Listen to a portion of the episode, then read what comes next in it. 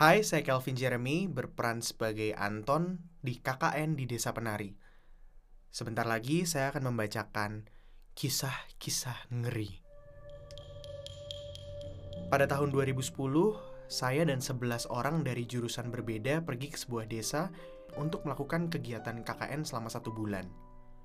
Untuk sampai ke desa tersebut, saya harus naik tiga kali kendaraan umum, ditambah dengan jalan kaki selama 15 menit dari jalur utama. Saya masih ingat bahwa kondisi desa dikelilingi hutan. Tak jauh dari desa, terdapat makam keramat. Kami berdua belas dibagi kedua rumah berbeda yang letaknya berdekatan. Rumah pria terletak di jalan yang lebih tinggi, sementara para perempuan ditempatkan di rumah yang letaknya di jalan rendah. Ada yang aneh dari kedua rumah tersebut, yaitu di rumah perempuan terdapat sumur besar dengan kondisi rumah yang seperti sudah tidak ditinggali dalam waktu lama. Sumur besar itu tertutup dan kata ibu kepala desa, sebaiknya jangan dibuka karena tidak berfungsi. Rumah pria juga ada larangan yang ditetapkan oleh ibu kepala desa. Ya ini ada sebuah ruangan yang ditutup dengan tirai dan ruangan tersebut tidak boleh dibuka. Katanya, di situ adalah ruang penyimpanan barang-barang pribadi si pemilik rumah. Ya, layaknya tinggal di sebuah desa terpencil, berbagai mitos tentu masih dipercaya oleh warga desa. Salah satunya adalah suara timbukan batu yang dipercaya sebagai tanda dikirimnya santet.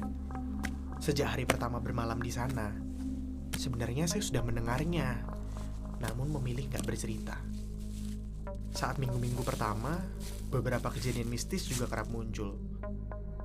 Kisah mistis diawali dengan salah seorang teman, sebut saja Arya, yang tiba-tiba mendengar tangis perempuan ketika ia pulang dari warung yang tak jauh dari rumah pria. Lalu, salah seorang teman yang dicekik ketika sedang tidur di rumah pria. Meski demikian, hal tersebut kami rasa hanya gangguan biasa dan nggak menghalangi kegiatan KKN. Ketika semua kejadian tersebut berlangsung, setiap malam suara timbukan kerikil masih saja terdengar.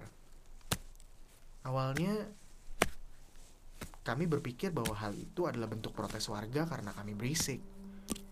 Ya, maklum aja. Kami semua masih muda pada saat itu.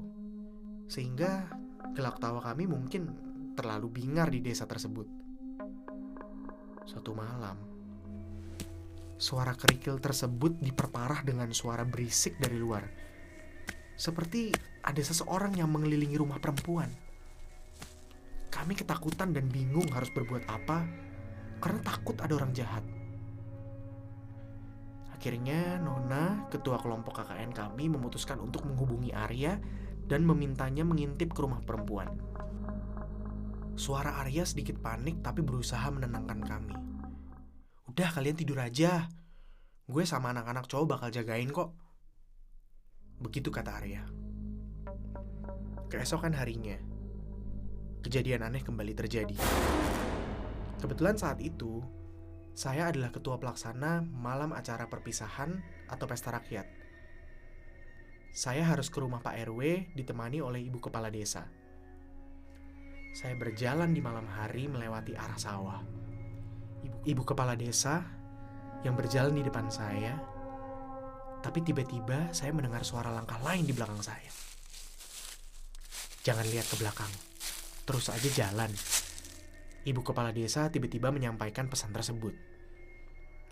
Sehari sebelum kepulangan, kami berjanji mengungkapkan semua kejadian mistis di desa tersebut.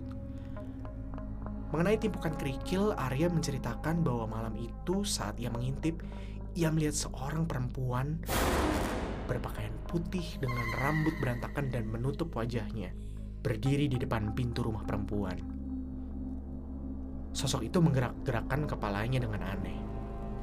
Sementara ibu kepala desa mengungkapkan jika sebenarnya ada benda pusaka yang ditanam di rumah perempuan, sehingga banyak dukun di sekitar desa yang mengirimkan makhluk halus untuk mencari pusaka tersebut. Mengenai suara langkah di sawah, Ibu kepala desa mengatakan, jika masyarakat desa percaya apabila mendengar suara langkah di belakang ketika berjalan di sawah, jangan melihat. Karena sosok yang mengikuti adalah pocong. Kalau kalian punya cerita serem, kirim cerita kalian ke kkn di desa penari movie at gmail.com.